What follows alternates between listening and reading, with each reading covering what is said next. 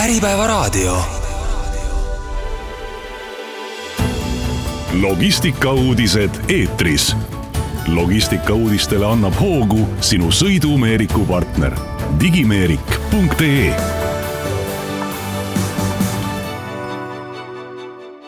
tere, head Äripäeva raadio kuulajad, eetris on saade Logistikauudised eetris ja täna räägime merendusest. meil on stuudios Kliimaministeeriumi merenduse ja veekeskkonna asekantsler Kaupo Lärerand, tere! Tere! ja äh, Saarsalu OÜ juhtivkonsultant Riina Palu, kes äh, aitab Kliimaministeeriumil ellu viia uudset merendusklastri loomise projekti, tere Riina! tere! mina olen saatejuht Tõnu Tramm. Äh, no alustuseks küsiksin võib-olla mingi sellise küsimuse, et et Eesti on tegelikult ju sisuliselt veega ümbritsetud ja ja ütleme, merepiiri pikkuseks on meil ligi kolm tuhat kaheksasada kilomeetrit, samas kui maismaad on vaid kuussada kolmkümmend kolm, aga ikka ja jälle me kuuleme siit ja sealt seda, et et Eesti peab saama mereriigiks, et kas me siis ei ole ja kui ei ole, siis miks ei ole? ja Kaupo, sa ja, nüüd selle aitäh. teemaga tegeled jaa, kindlasti Eesti, Eesti kindlasti on mereriik, aga ma arvan, et see, mille mille ümber, ma olen isegi ühe, ühe arvamusartikli kirjutanud selle kohta, et et äh, tõepoolest meil kolmkümmend kuus tuhat äh, ruutkilomeetrit on äh, mereala ja nelikümmend viis tuhat ruutkilomeetrit umbes maismaa-ala, et inimesed räägivad merendusest suhteliselt vähe ja, ja, ja paljud, paljud ei saagi aru, kui oluline see meie jaoks on ja, ja, ja aga metsandusest räägivad kõik, et, et metsandus kütab kirgi. et tegelikult me peaks suurema diskussiooni tekitama ka merendusvaldkonnas, et reaalsus on see, et enamus meie ekspordist üle, üle kuuekümne protsendi käib läbi sadamate. Kui me vaatame geopoliitilist olukorda, siis, äh, siis äh, me oleme ikkagi poolsaar ja kui see Valki koridor ära lõigata, me oleme saar, seega me täielikult äh, oleme sellistest paindlikest võimekatest sadamatest ja selle ümber toimivatest ettevõtetest, kes on spetsialiseerunud, oleme, me oleme sellega väga seotud. Ja meil, see on ka valdkond, kus on hästi palju arenevaid sektoreid ja ja paljud ettevõtted, keda lihtne Eesti inimene, ka merendusvaldkonna inimene ei tea, kes rahvusvaheliselt on äh, tegijad ja väga suurte käivetega ja toovad äh, majandusse äh, lisatulu ja, ja tõesti innovatsiooni eestvedajad, et, et kindlasti seda teadlikkust valdkonnas tuleb tõsta. Ja mul on hea meel, et me eelmise aasta detsembris saime meremajanduse uue strateegia valmis, mis on suunatud nii-öelda kestlikkusele äh, ja, ja, ja sellele kasvu otsimise võimalustele, kuidas nagu sektor kasvaks ja, ja ka ja mida saab nii-öelda, me saame koostöös teha, et, et, et kindlasti äh, nii-öelda tugev kurss on seatud merendusinimesena või nii-öelda tugev kurss no, on seatud. jah, see Eesti laevad Eesti lipu alla, see on nagu hästi tuntud mm, -hmm. aga selleni me veel jõuame. Äh, Riina, kuidas sina hindad nüüd Eesti kui mereriigi olukorda? Ma arvan, et äh, me oleme siin viimase paari aastaga väga suure sammu edasi teinud, et kui natuke ajalooliselt tagasi vaadata, siis äh, kust me tuleme? merendus äh, Eesti jaoks oli suures plaanis ju tegelikult Vene transiidi nii sisse kui välja liikuva transiidi teenindamine. seal tegutsesid väga paljud Vene taustaga ettevõtted, väga oluline, ma arvan, oli see, et äh, Hamburgi sadama tütarettevõte Hala omandas äh, Muuga sadamas konteinerterminali, see on märgilise tähtsusega, kus tuli väga suur lääne investeering väga olulisse valdkonda, aga tegelikkuses väga pikki aastaid, ka peale üheksakümnendaid, kui me ju ise, taasiseseisvusime, ka Eesti merendusriiki väga ei vajanud. aga nüüd Äh, seoses ülemaailmse tarneahelate kriisiga, mis siis on ühelt poolt seotud Covidi ja, ja Hiina, Hiina Covidi vastaste meetmetega, Ukraina sõja ja sanktsioonidega, merenduses on ka väga suured muutused toimunud, lisaks kõik need äh, rohepöördega seonduvad äh, muutused ja uued tehnoloogiad, Eesti merendus on täielikult muutunud ja on ikkagi pööranud ennast lääne poole ja nii-öelda siis äh, me vaatame tänasel päeval tulevikku äh, nii tehnoloogiate kui äh, partnerite mõistes ja võiks öelda, et Eesti merendus on buumi hakul. väga paljud tehnoloogiad, mida on senimaani kasutatud maismaal, kas või ka kui me toome näiteks tuuleparkide näited, liiguvad maalt merele jah, sest see on selles mõttes väga õige märkus, et merendus kui laiemat pilti me, me kipume jääma nagu liiga kinni kuskile sadamasse, mingisse kruiisiterminali oma mõtetega ja, ja tegelikult kui me räägime, mis puudutab kaubavahetust, siis tegelikult ju praegu on päris rasked ajad sadamatel, et tänu nendele sanktsioonidele äh, nii Soome kui Eesti sadamate käibed ju tegelikult on drastiliselt kukkunud ja, ja, ja nii edasi. Ja ma see, ma korra kommenteeriks ka seda, seda valdkonna laiapindsust, et esimene asi, millega me äh, tegelesime, oli ka äh, valdkonda defineerimine. Äh, kui eelmises positsioonis meremajanduse asekantsler oli nimetus, et mis poliitikaga me tegeleme, hästi levinud oli arusaam, et et ah, see on meretransport, aga reaalsus on see, et Euroopa läheneb sõnumiga meremajandusele, nema-, nende, nemad ütleb blue economy, sinimajandus,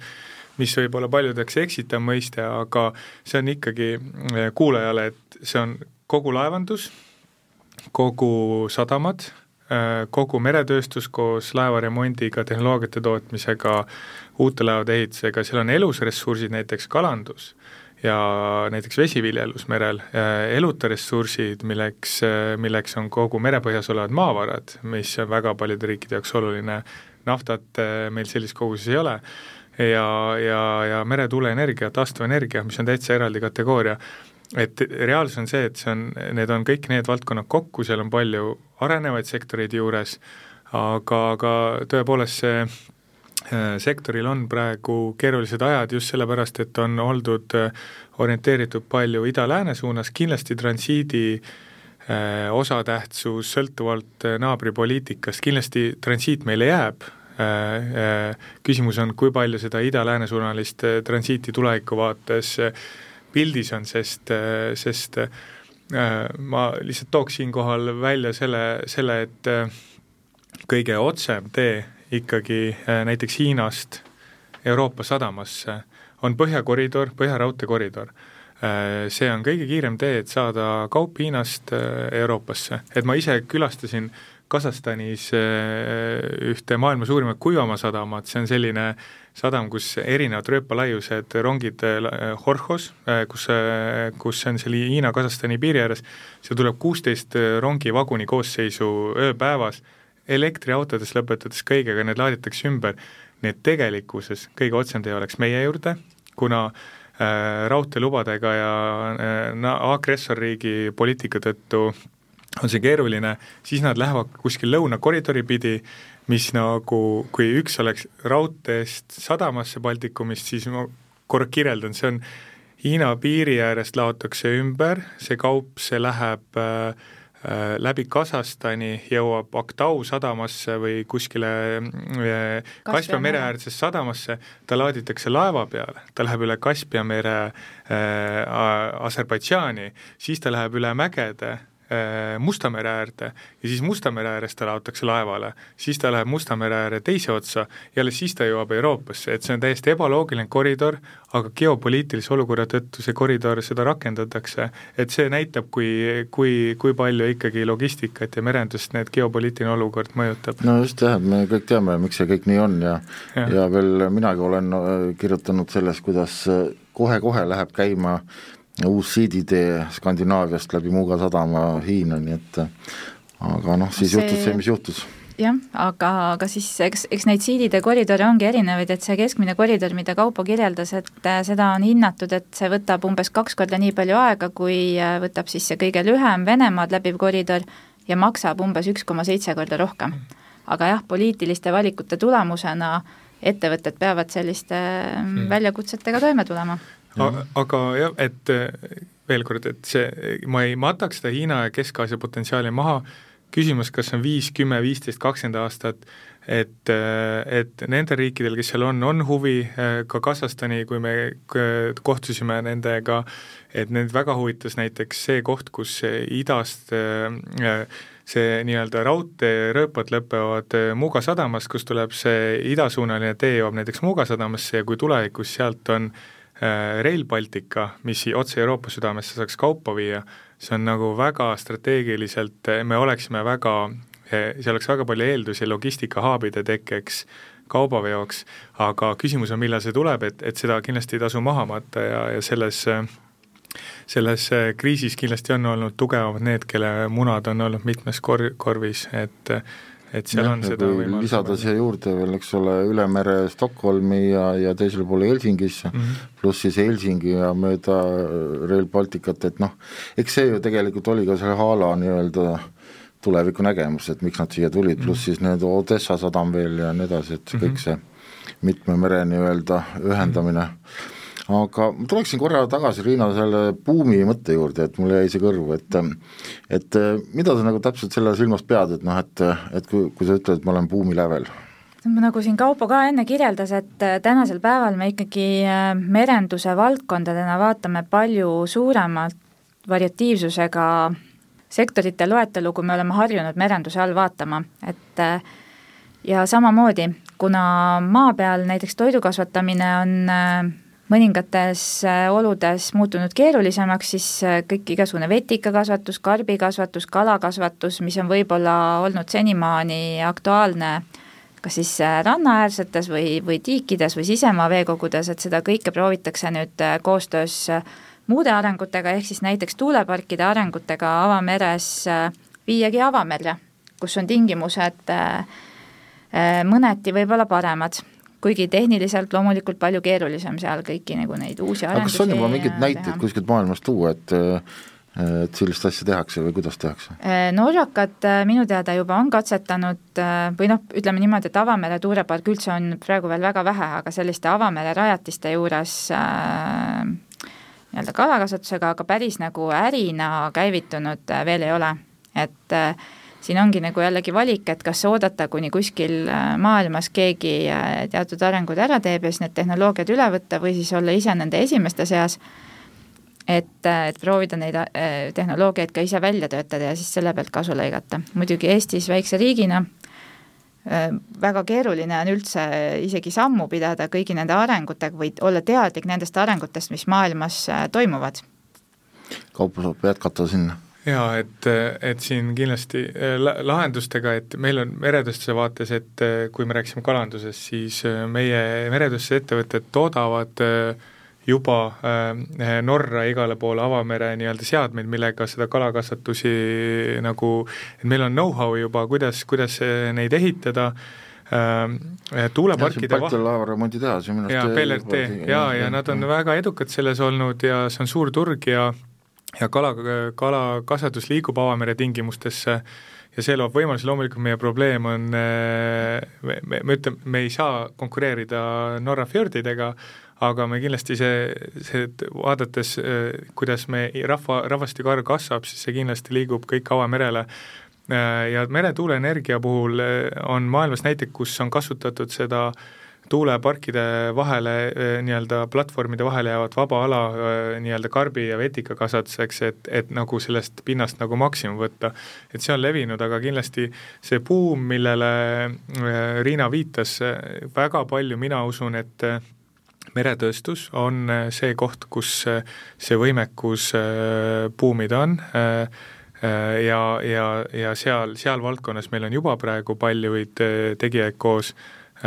kes nagu rahvusvaheliselt on väga tugevas konkurentsis, nad saavad innovatsiooniauhindu laevafirmadelt, kelle eelarve on sama suur kui Eesti riik enam-vähem, et et nad on lihtsalt äh, nii tublid ja neid firmasid on palju ja, ja kõik see tehnoloogia innovatiivsus, äh, me, me saame neid eraldiseisvaid näiteid võib-olla hiljem tuua, aga aga see potentsiaal, nad on vaja kokku tuua, sest ma näen, et me esimese asjana vist, kui ma olin kaks kuud ametis olnud, ma nägin, et me peame sektori kokku tooma, klast-, merendusklastrit nii ruttu no luua ei saa. jõuamegi siis nüüd klastrini. aga, aga me tekitasime sellise formaadi nagu meremajanduse ümarlaud, me tuleme neli korda aastas kokku äh,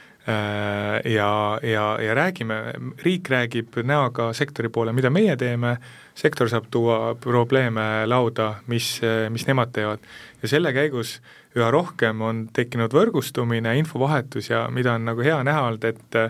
et firmad, kellel on potentsiaal rahvusvaheliselt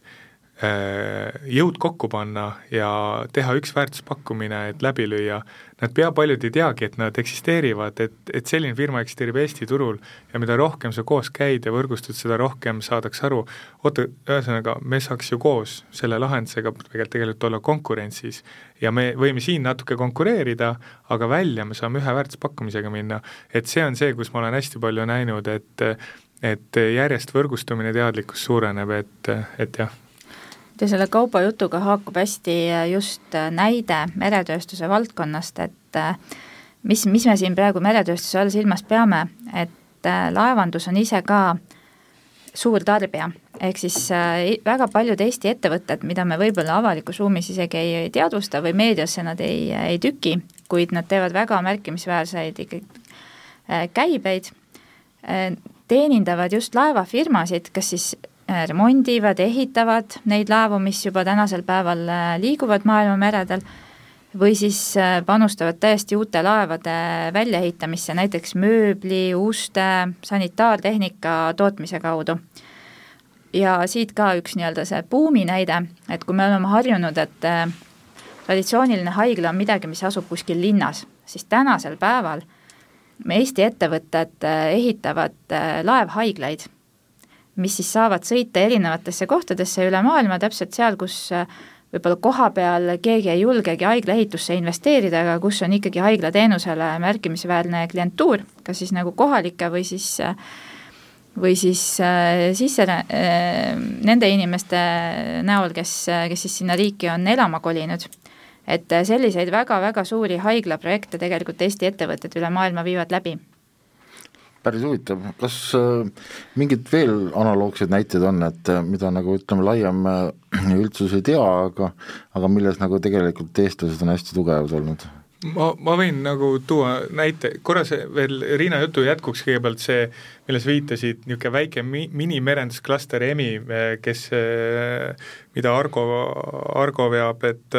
et see on nagu tõepoolest, et ei olda harjutud rääkima, et merendus on ainult laevandus, aga tegelikult meil on praegu mööblitootjatel on raske. aga seal kogu sellise miljardilise, miljard eurot maksva kruiisilaeva sisustamine, et tegelikkuses äh, Äh, seal taga on nii-öelda laeva, laeva nii-öelda tehnilise poole ehitajad, kes nagu või nendel on võimekus laeva ehitada rohelisemaks, näiteks metanooli peale üle viia, aga teiselt poolt äh,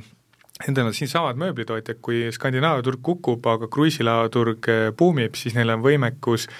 oma, oma mööbel sinna suunata, see on tohutud tellimused, mis seal taga on üle maailma, et, et, et näha seda laiemalt ja äh, kõige värskem innovatsioon äh, Eesti ettevõtjate poolt äh, on SRC Grupi metanooli lahendus, millega nad tulid välja nädal ja poolteist tagasi, nii-öelda kui hästi, ütleme niimoodi, maailma suured logistikaettevõtjad on nüüd pikalt on vaieldud, mis see tulevikukütus on, ega lõpuks see saab olema kombinatsioon.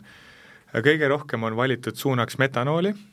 ja seal see metanooli äh, nii-öelda probleemi äralahendamine seisab kolme asja peal. Äh, metanooli peamasinad, mida nüüd Wärtsilä toodab Soomes ja paljud teised veel, metanooli saadavus, mida tuleb siis globaalselt hakata nendes sõlmpunktides lahendama, mis viib meid rohekoridoride teemani, ja kolmas on metanool,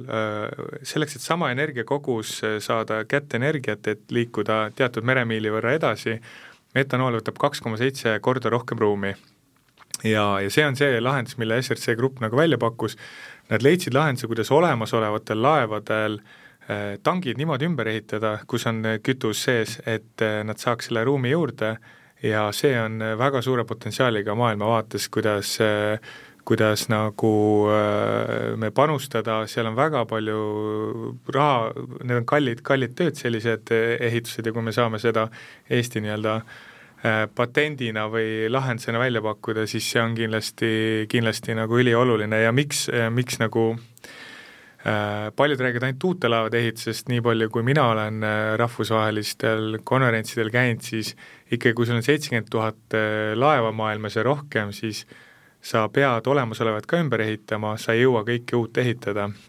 ja, ja, ja oluline on äh, pakkuda neid lahendusi, lahendusi, et, et jah, ja miks on veel oluline just selle nii-öelda meretööstuse ja laevaremondi temaatikast rääkida, ongi see, et see on jällegi Eestis ajalooline tööstusharu. Tänase päeva Mereakadeemia ju asub tegelikult äh, laevaremonditehase peamajas Koplis. me oleme sada aastat äh, laevu ehitanud, laevu remontinud, Vene ajal hästi tugevalt just laevu remontinud ja see kõik on ju tegelikult Eesti ajal edasi jätkunud. et kui me vaatame oma põhjanaabrit Soomet, siis nemad on spetsialiseerunud uusehitustele äh, meie siin Soomega ei konkureeri, aga meie peame hoidma seda segmenti, mis meil tegelikult juba käes on. Ja seal all siis äh, töötama välja uusi tehnoloogiaid, nagu Kaupo tõi selle SZC grupi näite, aga neid näiteid on veel,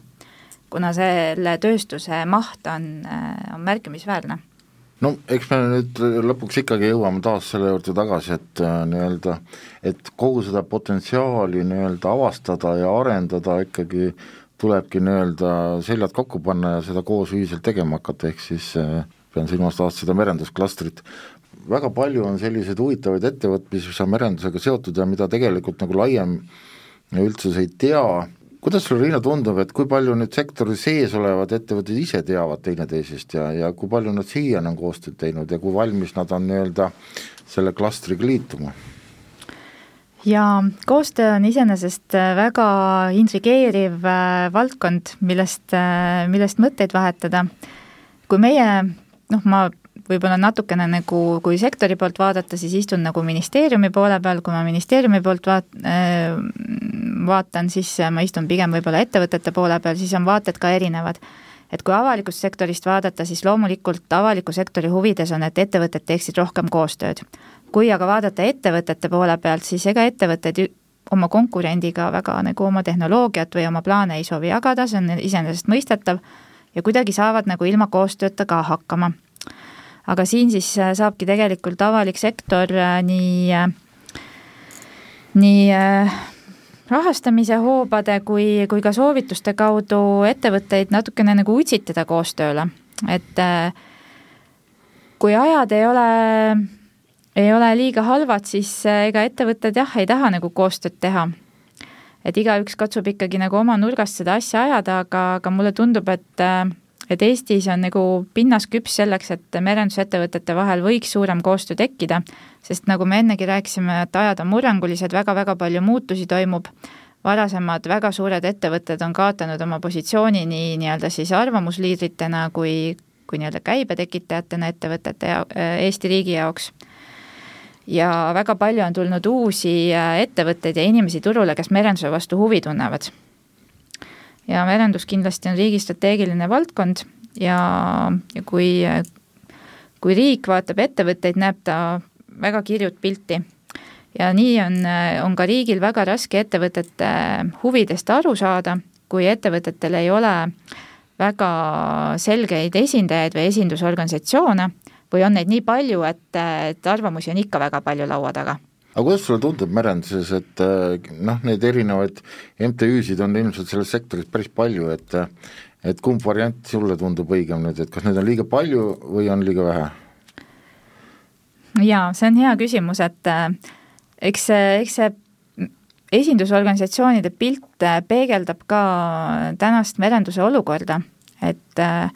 kui neid on palju ja need on suhteliselt nõrgad, ehk siis keegi tegelikult ei suuda nii-öelda enda huve riigi juures läbi suruda, ma võin siin tuua paralleeli näiteks äh,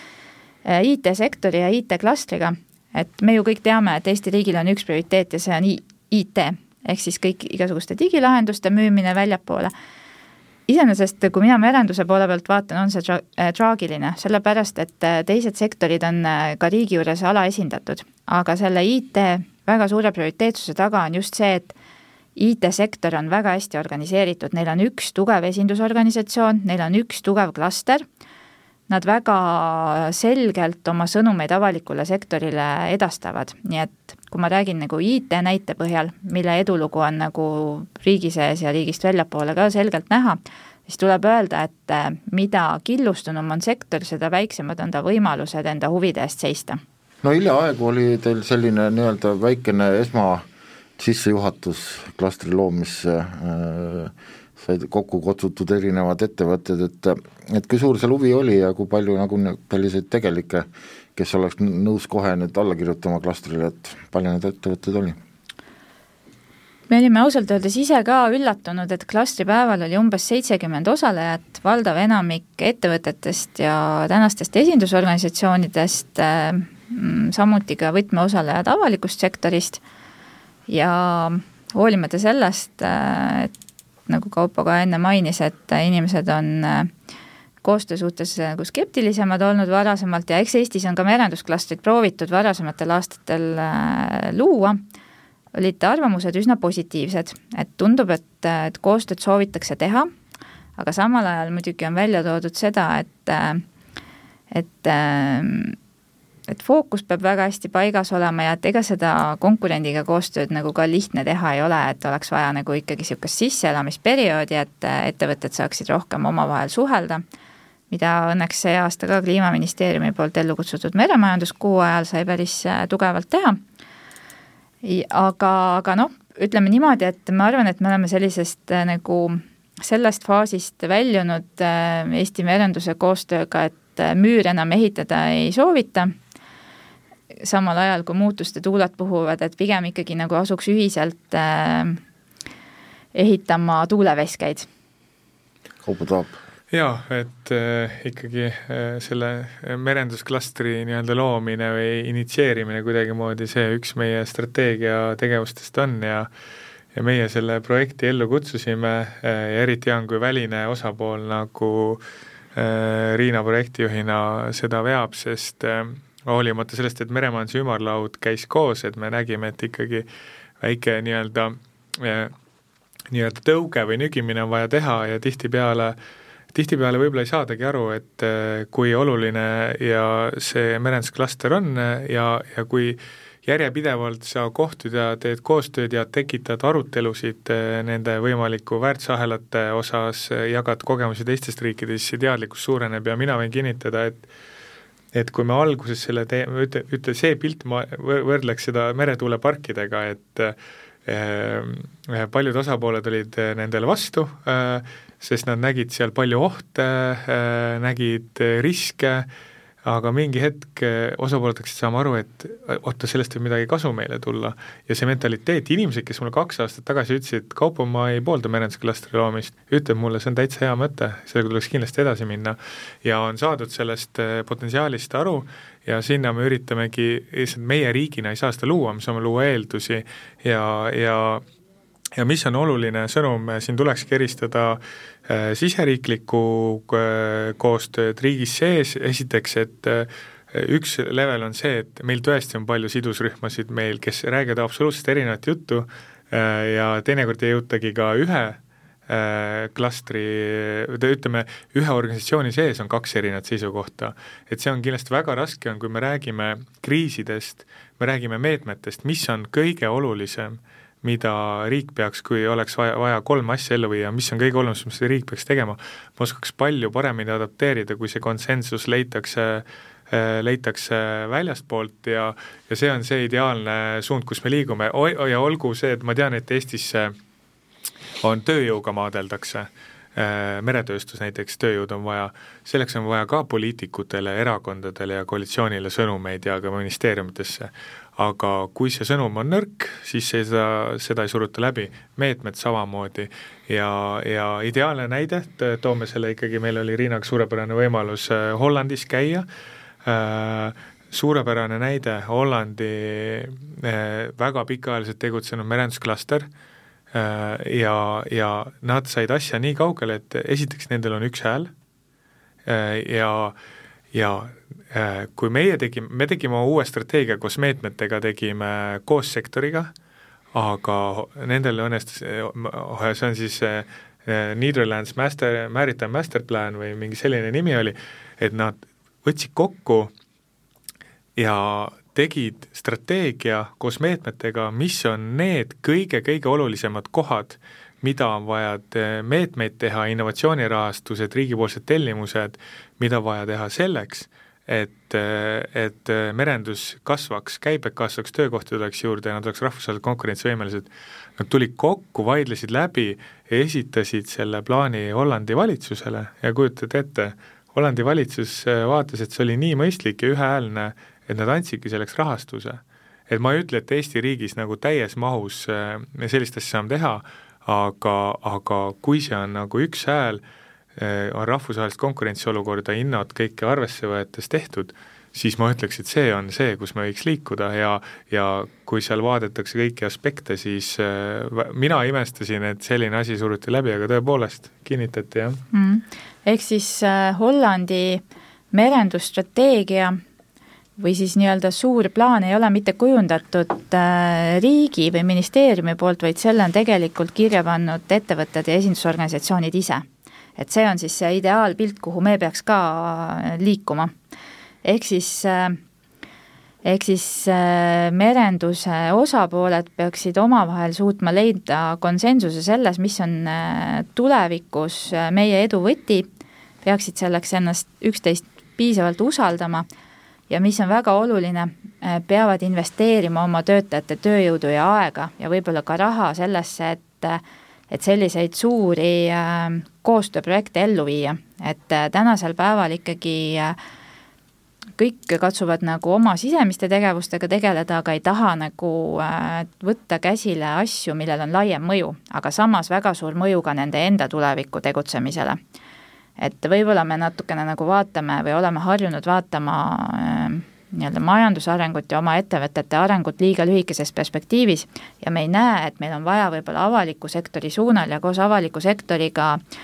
äh, võtta käsile tegevusi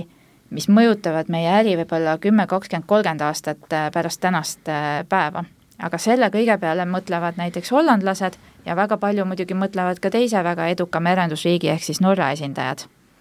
Mis on tegelikult selle Kaupo poolt äh, näitena toodud Hollandi merenduse masterplaani sisu on see, et riik annab toetust nelisada miljonit eurot mõningate aastate peale selleks, et äh, viia ellu ühe koma ühe miljardi maksumusega arendusprojekte laevandussektoris, ehk siis luua uusi tehnoloogiaid ja uusi laevatüüpe selleks, et äh, oleksid konkurentsivõimelised tuleviku merenduses, et see äri nagu nende kätte jääks, samal ajal kui väga palju ikkagi nagu sellist äh, Mm, tehnilist tööd laevaehituses, ehk siis uute laevade, standardsete laevade ehitamist on liikunud Aasiasse, aga nemad tahavad kontrollida neid tulevikutehnoloogiaid, mille, mille järgi ehitatakse või mida kasutades ehitatakse tulevikulaevad. et see on nagu hästi oluline, et nad on ja sellega nad genereerivad sadadele ja sadadele ettevõtetele tööd seal äh, nii-öelda väärtusahelas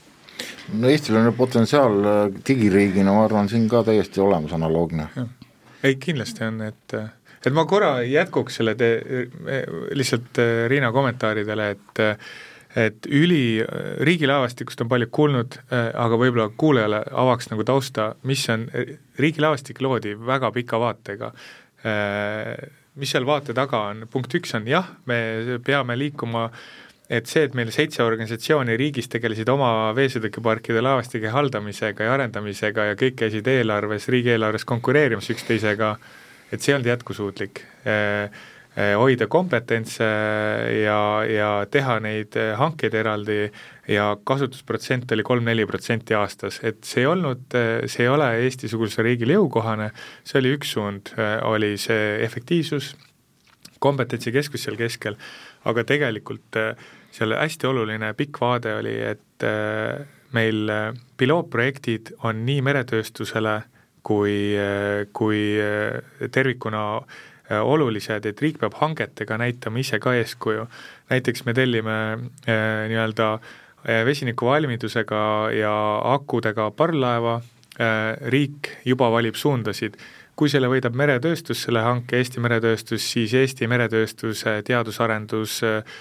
saab tööd, Eesti meretööstusest tulevad töökohad, me arutasime, toon lihtsalt näite välja, multifunktsionaalne töölaev biometaani peal, mida Eestis toodetakse, on, on, on see, mida, mille hange varsti välja läheb. Et mastaapidest aru saada, meil on vajadus uueks jäämurdjaks, kui me ehitame sellise sajameetrise või kaheksakümne meetrise sada miljonit näiteks eurot maksva jäämurdja, siis selle ehitamine võrdub kaheksasada tuhande inimtöötunniga, kui seda teeb Eesti meretööstus, siis jällegi see on, see on töö, see on arendus, millest kolmkümmend, nelikümmend protsenti võib Eestisse nagu tagasi tulla majandusse, et, et, et riik peab näitama eeskuju ja üks võtmekoht, mis meil on riigilaevastikule ootus üles seatud, on see, et autonoomsed laevad, meil on juba Eesti firmad tegelevad, mis on ka merendusklastri võimalus promoda, meil on firmad, kes äh, autonoomseid laevu, minu meelest oli juba kuussada kilomeetrit, saab sõita ilma tankimata, kuhu on võimalik kõikvõimalikud sensorid külge panna, kalaparvesid uurida, meil on näiteks möödistustööd, mida riigis tehakse laevadega, me saame need madalamas vees mõõdistustööd teha autonoomsete laevadega, mis on kõik samm efektiivsus, me tulevikus võitleme kõik inim- tööjõu ja ressursside pärast, aga sellised tööd tulevikus saabki teha autonoomsete laevadega. seega ootus on äh, lootsimine versus äh, kuida-, üha järjest nagu kuidas teha rohkem, targemini lootsimisteenuseid äh,, et, et meil on väga suur äh, roll riigilaevastikul ja riigi tellimustes on see, kuidas Eesti meretööstus areneb Äh, kuidas teadusarendus areneb ja uued tulevikutehnoloogiad kasutusele võetakse, me peame kuidagi õppima läbi nende pilootprojektide mm. -hmm. enne, Riina, kui ma sulle sõna annan, ma ja. jätkan siit natuke seda Kaupo ja. mõtet, et äh, või seda teemaarendust sellega, et tegelikult järgmisest aastast ju laevandussektor liitub äh, kasvuhoonegaaside heitkoguste kauplemise süsteemiga ja, ja, ja siis tähendab seda, et kõik laevafirmad peavad hakkama siis nii-öelda CO2 heitmete hüvitamiseks maksma nii-öelda see saastekvoote ja see raha teadupoolest liigub riigieelarvesse ja, ja, ja nüüd ongi küsimus, et et kuhu sealt siis see raha siis kas edasi või tagasi tuleb nüüd merendussektori jaoks, et kas need mingid konkreetsemad otsused on ka juba tehtud või, või veel mitte? Ma siis kommenteerin, et sellest on jaa, see on merenduse heitkogustega kauplemise süsteem, see tõesti hakkab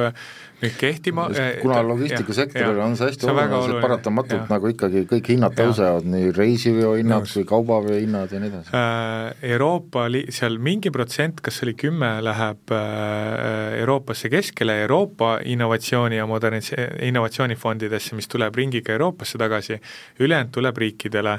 ja Eesti riigis hetkel, see diskussioon on tulemas, ei ole veel otsustatud äh, kuhu see summa läheb, Euroopa Liidu nägemus ja suund on see, et see peab sektorisse tagasi tulema. kuna meie riigieelarve on äh, ehitatud või rohkem nagu lähenetakse sellest vaatest, et raha tuleb keskele, siis jagame laiali, siis ma, siis see diskussioon on riigis tulemas, aga mina isiklikult äh, näen, et mis on, mis me oleme nüüd mitu merendusel konverentsil osalenud, ma ütleks, et äh, sellest teemast on räägitud ja kõigi ühtne sõnum on siiamaani olnud sama, mis Euroopa Liidul, see peab tulema tagasi merenduse, merendusse ja kõige mõistlikum on kasutada see näiteks punkt üks, äh, innova-, nii-öelda laevade ümberehitus või uute laevade toetusmeede, et me aitame need laevad, kes, et aitame selle raha eest laevu, näiteks olgu see uus sõukruvi, grafiitvärv, biometanooli või metanooli peale minek, me aitame esiteks sellesama raha eest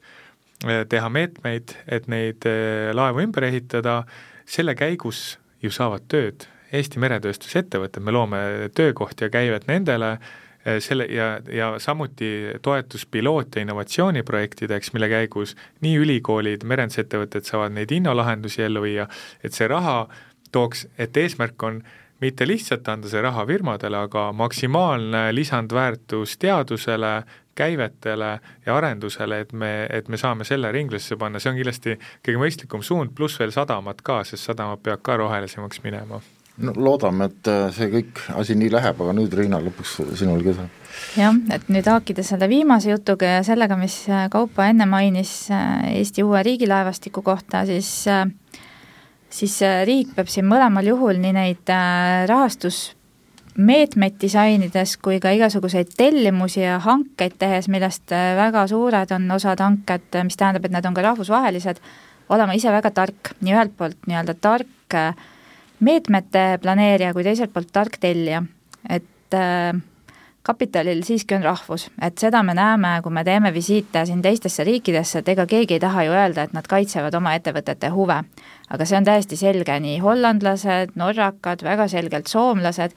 nad ikkagi oma hankeid disainivad nii, kuigi võib-olla see ei lähe äh, kokku Euroopa Liidu regulatsioonide mõttega, siis nad suudavad seda nendes olemasolevates juriidilistes raamides teha nii, et siiski need, nende kohapealsed ettevõtted äh, võidavad hankeid. reeglid on paigas, aga mõned liigid lihtsalt oskavad leida lahendusi, et tarneahelad oleksid lühemad, kohalik teadus-arendus saaks tööd ja kohalikud ettevõtted samamoodi. et et selliseid lahendusi tuleb leida ja see ongi see, mida klaster saab aidata riigil teha, et loomulikult keegi ei hakka kirjutama riigile ette mingisuguseid hanketingimusi, see ei olegi võimalik, see ei ole juriidiliselt lubatud, aga klaster saab koostöös riigiga töötada välja lahendusi, mida just meie riigil vaja on. ja siis on võimalik neid ka ellu viia sarnaselt sellele, kuidas teised riigid teevad